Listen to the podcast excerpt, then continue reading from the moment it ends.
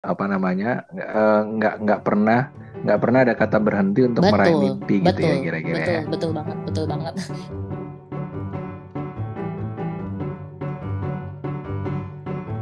Selamat datang di Cipika Cipiki.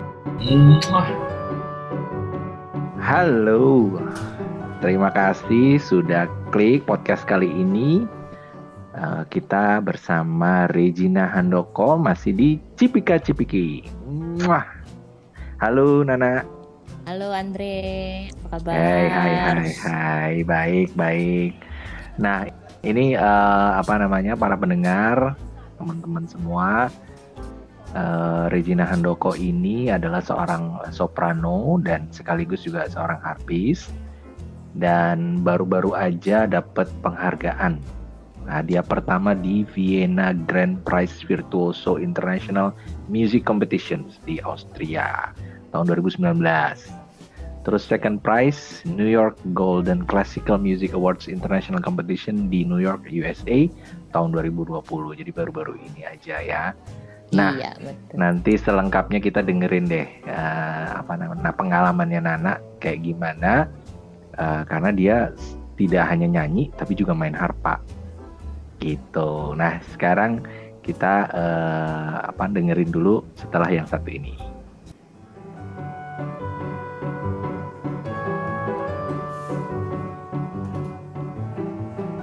Kita kembali lagi di Cipika Cipiki. Wah. Nah, kita masih bersama Regina Handoko. Nah, boleh dong ceritain sedikit uh, pengalaman terakhir baru-baru uh, aja nih di tahun 2020. Tadi katanya baru menang lomba ya itu gimana sih ceritanya? Iya betul jadi itu um, lombanya um, lomba international competition jadi dia banyak mm -hmm. kategori ada vokal ada mm -hmm. alat musik alat musik yang lain kebetulan saya ngambilnya vokal mm-hmm. uh, open open kategori ya kayaknya yang senior gitu ya. Nah mm-hmm. kebetulan dapat juara dua di sana. Nah lalu dengan okay. yang juara itu kita di uh, dibuatin konser.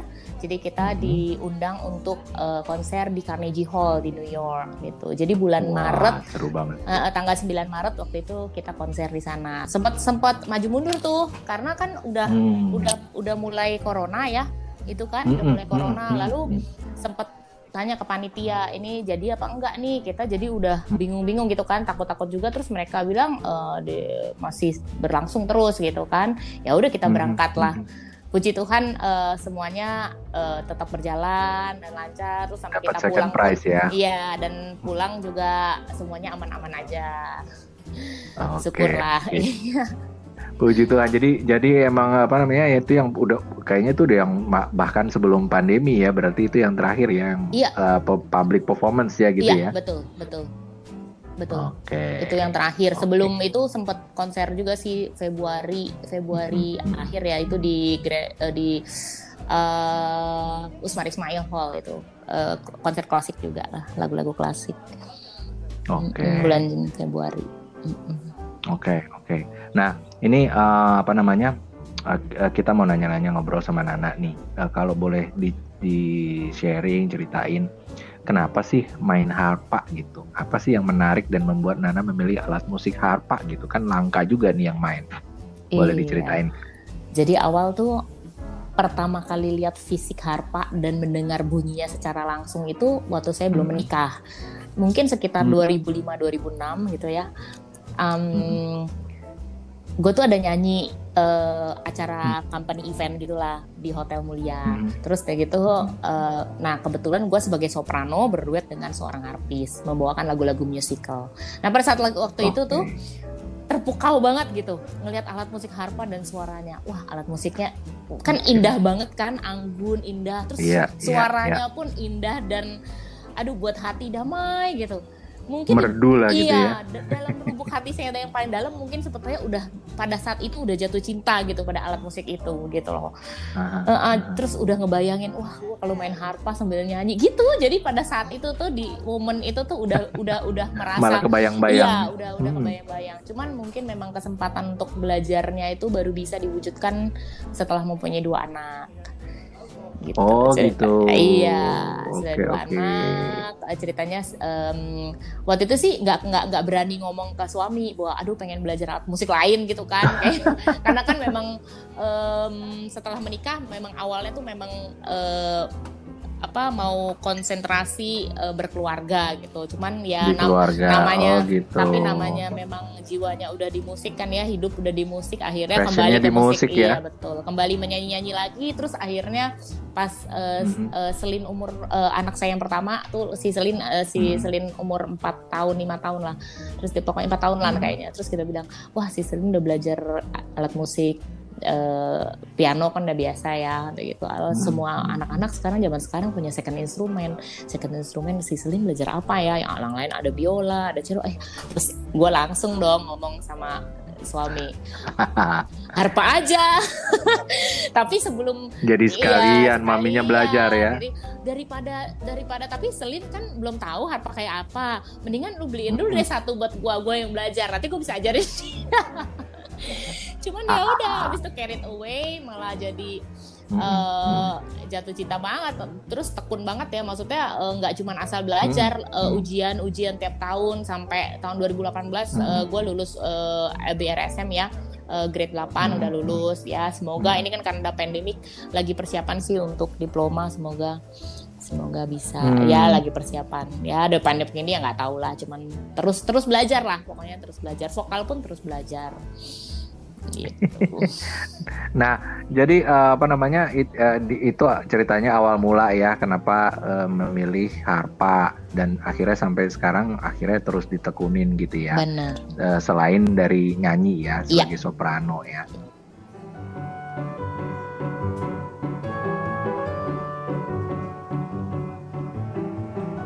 Nah, yang menarik apa sih fun side-nya? Jadi jadi seorang harpis sekaligus sambil nyanyi sama sambil apa namanya kan nggak susah apa apa namanya main alat musik itu udah mana alat musiknya gede lagi kan? Iya. Sambil nyanyi gitu. Fun side-nya apa sih yang menyenangkan eh, dari dari hal ini Nah, biasa kan kita tuh kalau dulu-dulu sebagai soprano tuh kan kita kan selalu bergantung sama eh, orga- eh, pianis atau organis atau siapa pun yang mengiringi Atau kita kan, lain, Mm, ya. yang mengiringi kita karena nggak mungkin kan kita cuma akapela gitu kan. Nah, kalau kita, nah sekarang ini kalau saya sebagai harpis juga soprano harpis itu udah nggak bergantung lagi sama pianis karena kita sendiri yang mengiringi diri sendiri kan. Jadi any Hmm. anytime kita mau latihan ya latihan anytime kita ada Hmm. performance di mana pun ya kita tinggal latihan dan kita tinggal tampil gitu jadi nggak usah pusing em, apa ya ibaratnya eh, kan kalau misalnya pianis kita harus latihan berkali-kali untuk em, eh, dapetin mood Hmm, latihan untuk bareng. ya untuk dapetin moodnya Hmm. ya kan kita harus cocok supaya klik sehati kalau ini ya udah sehati Hmm, orang namanya satu hmm. orang ya gitu jadi eh, seru banget deh. Terus selama latihan di rumah pun kan tantangannya menyenangkan karena pada saat kita latihan kan kita terus mengulang dan mengulangkan untuk menjadi suatu suatu lagu tuh jadi sempurna gitu. Gua tuh enjoy banget dalam berlatih gitu. Kadang-kadang sambil berlatih tuh kita sampai udah terlarut sama lagunya gitu kan. Jadi gimana ya sangat menjauh menjiwainya itu dapat banget gitu kalau menurut gua. Jadi dalam persiapan suatu event atau suatu konser itu dengan gua jadi soprano harpis menurut gua tuh apa ya sangat eh, sangat gua eh, nikmati Nikmati Gua gitu ya. nikmati setiap Mm-mm, setiap enjoy banget dari deh. proses pertama kali latihannya hingga sampai pas eh, eh, tampilnya tampil Iya, walaupun Oh, pasti ada gitu. kendalanya dalam arti eh, lebih sulit kan karena kita harus sulit kan harus dua eh, dua eh, mem- dua sebagai ya pada dua hal. hal kan sebagai soprano dan sebagai harpis. Mm-mm. Tapi eh, ya dengan latihan banyak itu eh, dengan mudahnya kita bisa melewati gitu kesulitan. Hmm.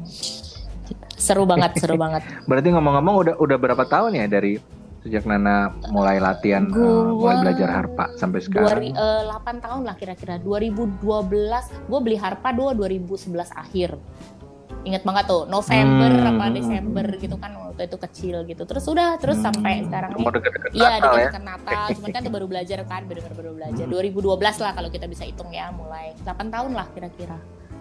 8 tahun. Jadi udah 8 Mm-mm. tahun ya sampai Iya, sekarang ini iya. ya.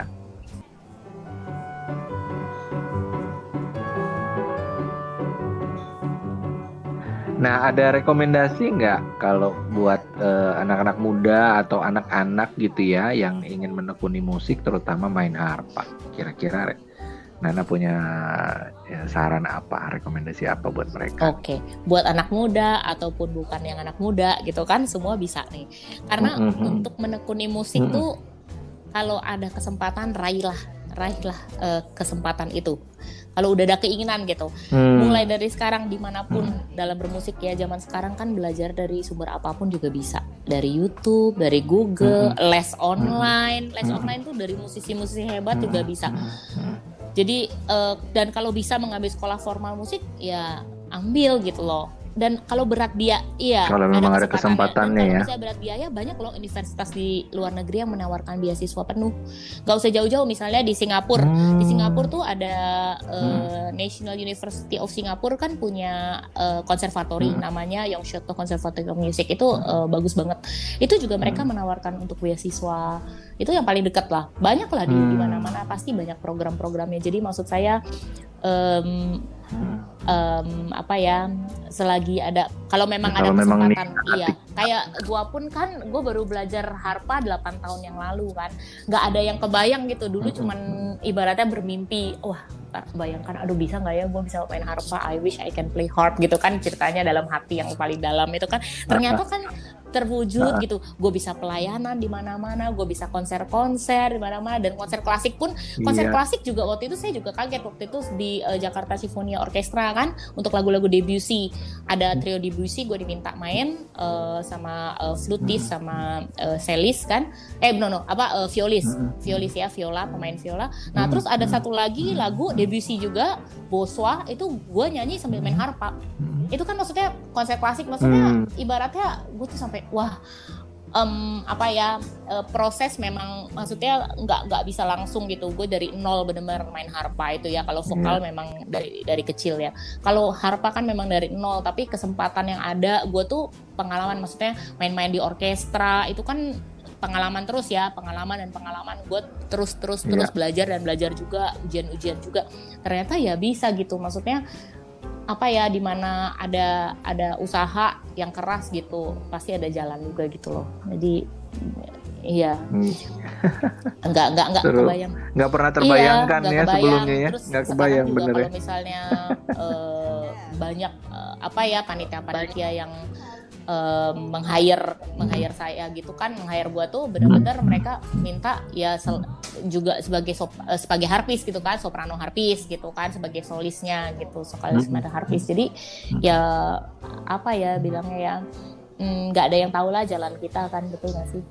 Kita jalanin aja kalau memang ada kesempatan dijalanin. Gitu. gue juga nggak nggak ngoyo gitu kan kita ibaratnya wah gua harus begini gitu. Pokoknya usaha aja gitu do eh, eh, eh, apa ya do my best let God do the rest gitu. Kalau gue tuh selalu gitu.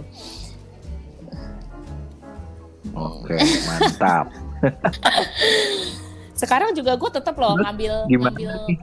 Apa Hmm. eh, walaupun dengan pandemi ini kan kan gue dulu bolak-balik ke Hmm. Singapura gitu ngambil ngambil lesson kan di sana kan dengan eh, prinsip iya prinsip Belajar ya. di sana gitu kita juga juga ngambil sekarang di online ya bisa online gitu jadi ya maksudnya apa ya belajar sekarang tuh dengan siapa aja dan di mana aja bisa gitu kan maksudnya gitu nggak nggak Hmm. dengan karena pandemi ini nggak bisa apa ya bisa gitu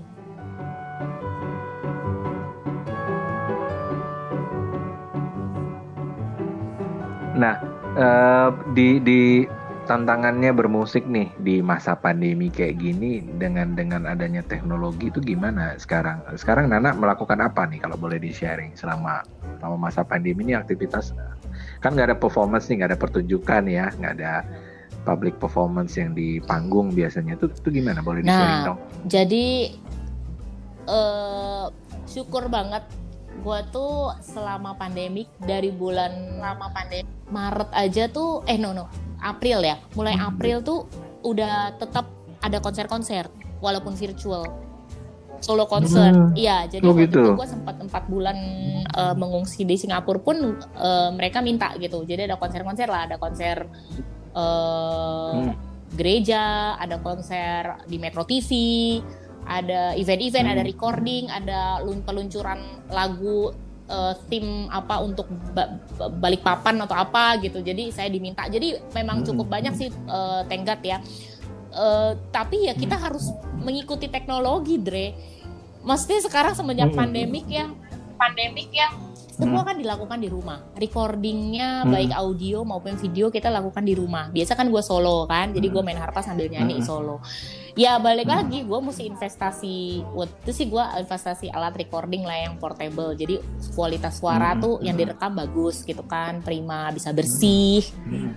Ya kalau Hmm. kamera sih, kalau untuk eh, eh, apa untuk kamera tuh pakai handphone oke lah, masih bagus juga kan. Kalau Hmm. cukup udah lumayan bagus atau pakai kamera juga bisa. Hmm. Jadi harus ngikutin teknologi sih kalau kalau begini ya dibilang ya kalau kalau dalam pandemik begini. Nah, tap Hmm. hmm, tantangannya itu. Jadi ibaratnya gimana ya? Untuk mm, kalau kalau lu tampil tampil gitu kan eh, eh, dengan Hmm. bermain dengan Live, musik eh, dengan musik pemusik pemusik Hmm. lain itu kan beda nggak sih ininya tuh ya moodnya atau Feel. ini feel-nya tuh beda banget kita kan main ini semua selalu sendiri kan which is ya enak juga tapi beda gitu. Nah ada satu konser kemarin tuh gue tetap main orkestra di gedung konser. Eh no gue jadi solis diiringi dengan orkestra. Orkestra Hmm. eh, berapa puluh orang juga lah gitu. Di gedung konser tapi gedung Hmm. konser itu kosong. Jadi kita eh, ibaratnya yang nonton konser itu beli tiket eh, di loket.com waktu itu ya tapi nontonnya tuh Hmm. nontonnya itu eh, di rumah lah ya pastinya kan di Oh, penonton di rumah ya. iya live streaming Hmm. itu beda banget juga Dre moodnya di mana tuh feel-nya ya. feel-nya aduh nggak ada banget biasa kan kita bisa kontak mata dengan penonton Iya, kita excitementnya tuh beda Betul, banget loh beda banget Mm-mm. gitu jadi ya memang em, tantangannya banyak Mau lah selama pandemik Menyesuaikan ini ya juga ya. Iya betul, tapi ya kita harus adjust lah ya, kita harus membiasakan diri Mhm. gitu. Dan gue udah terbiasa. Enaknya, enaknya eh, project eh, untuk untuk eh, pandemik ini kita tuh Hmm. jadwal jadi fleksibel. Karena kan nggak mungkin ada yang bentrok kan. Misalnya Betul, karena taping betul. kan, karena taping. Jadi setiap kali itu gue asik banget gitu. Jadi jadwal nggak usah pilih-pilih, bisa semua kita masukkan gitu kan. Eh, nggak perlu takut bentrok, asal kita musik atur atur betul-betul ya jadwal rekaman, audio Hmm. latihannya, jadwal rekaman video gitu, supaya selalu dengan eh, sesuai dengan deadline. Eh, syukur saya tuh sejauh ini selalu mengirim file-file ke panitia atau IO tuh sebelum tuh sebelum hari di deadline-nya jadi nggak pernah telat. Jadi kita harus menjaga profesionalisme lah tetap. Jadi nggak kejar-kejar sama panitia ya. Iya, jadi maksudnya kayak manajemen selalu udah udah kasih tahu gitu kan, ini deadline-nya tanggal segini, ini tanggal segini, semua dia udah atur. Jadi gue udah atur, udah diaturin gitu loh jadwal-jadwal eh, untuk rekamannya, rekam ini rekaman audio, lagu ini, event ini apa kapan kapan kapan gitu loh untuk rekaman eh, gambarnya kapan gitu. Jadi enak. Karena semua di rumah kan. Jadi itu. Jadi mau nggak mau memang harus menyesuaikan dan dan beradaptasi dengan dengan kondisi pandemi ini dengan dan memanfaatkan teknologi Iya ya. betul betul. Jadi kayak eh, nggak cuman gua gitu. Jadi ada anak-anak juga gitu. Jadi kayak Selin gitu kan kemarin eh, dapat tawaran untuk eh, jingle, eh, jingle mengisi suara jingle eh, dua produk lah ya, dua produk gitu. Nah terus lolos gitu dan kita rekamnya pakai alat rekam itu.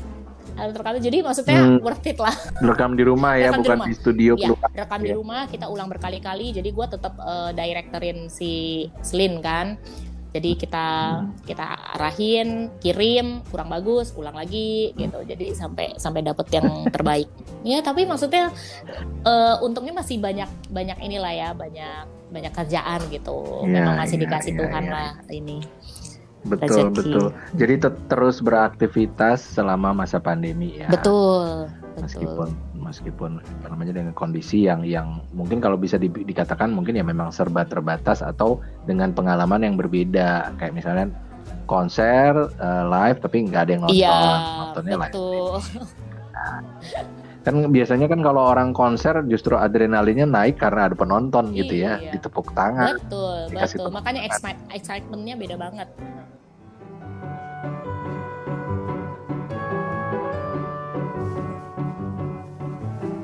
Untuk tahun ini pun gue juga udah eh, kir- apa uh, meluncurkan dua single mungkin karena jadi nggak banyak Oh, iya? nggak banyak ini ya nggak banyak maksudnya yang live gitu kan jadi kita di rumah aja. Nah gue luncurkan dua single. Satu single lagu klasik Oke. lagu klasik Lasya Kyopyanga satu lagi eh, Lord I Come to You itu lagu eh, rohani ya lebih ke roh lebih untuk menguatkan lah lebih Oke oke. Nah boleh diceritakan kenapa kenapa dua lagu itu yang diluncurin baru-baru ini? nah jadi Nah, kenapa memilih?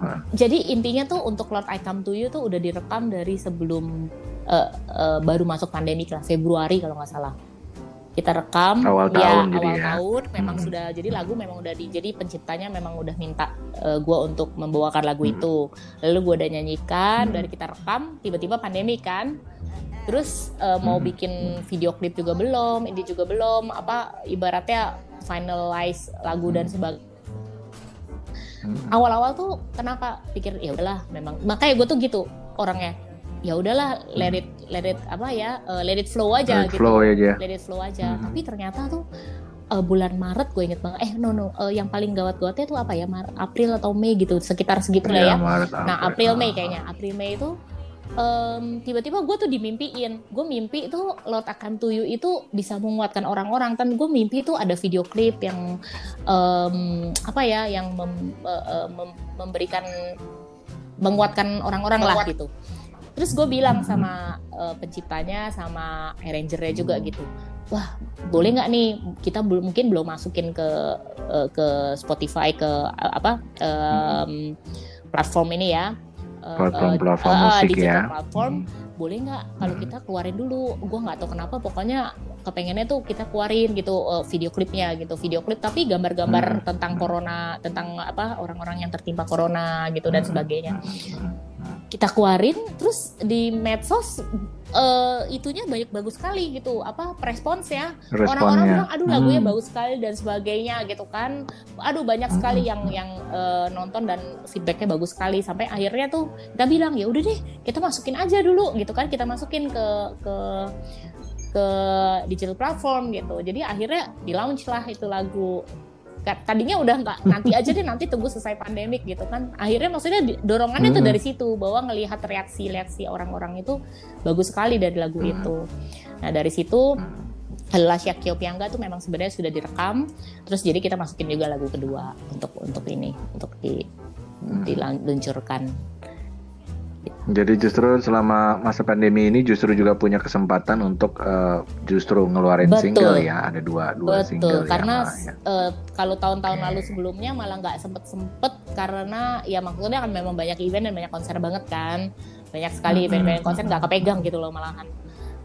Mm-mm. Hmm.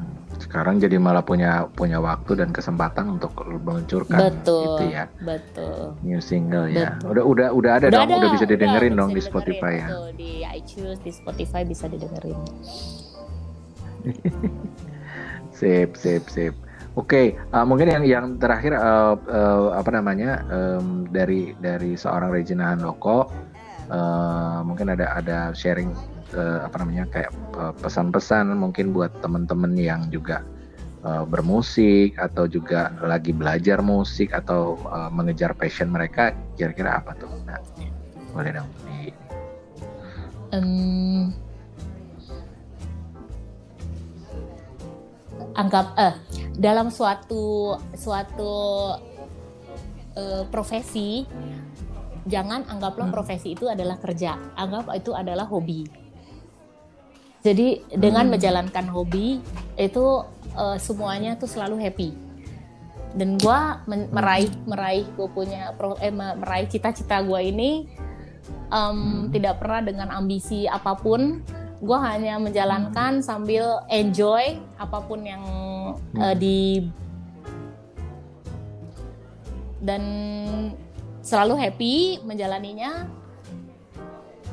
semua yang kita jalani itu jadinya apa ya kalau positif selalu eh, akhirnya terbuka jalan yang lebih baik lagi lebih baik lagi lebih besar lagi entah kenapa gitu lagi iya Hmm. jadi untuk Hmm. eh, kalian semua yang mungkin yang memang punya passion, iya Jalan aja. dijalanin tapi semua yang dijalanin itu eh, lakukan yang terbaik.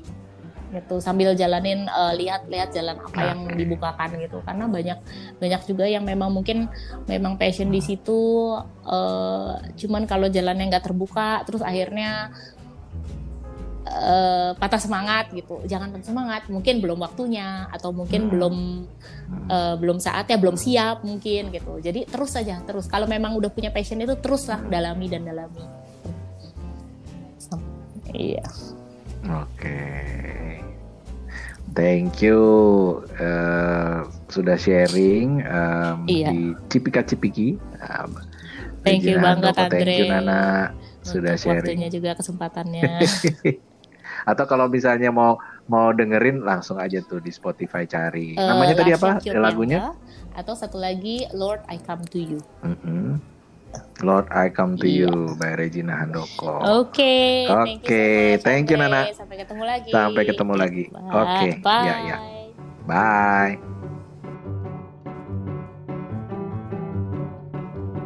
Terima kasih telah mendengarkan Cipika Cipiki. Sampai jumpa. Muah.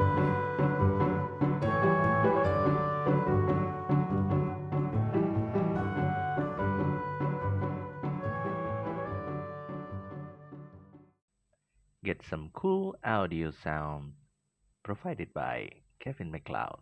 Incompetech.com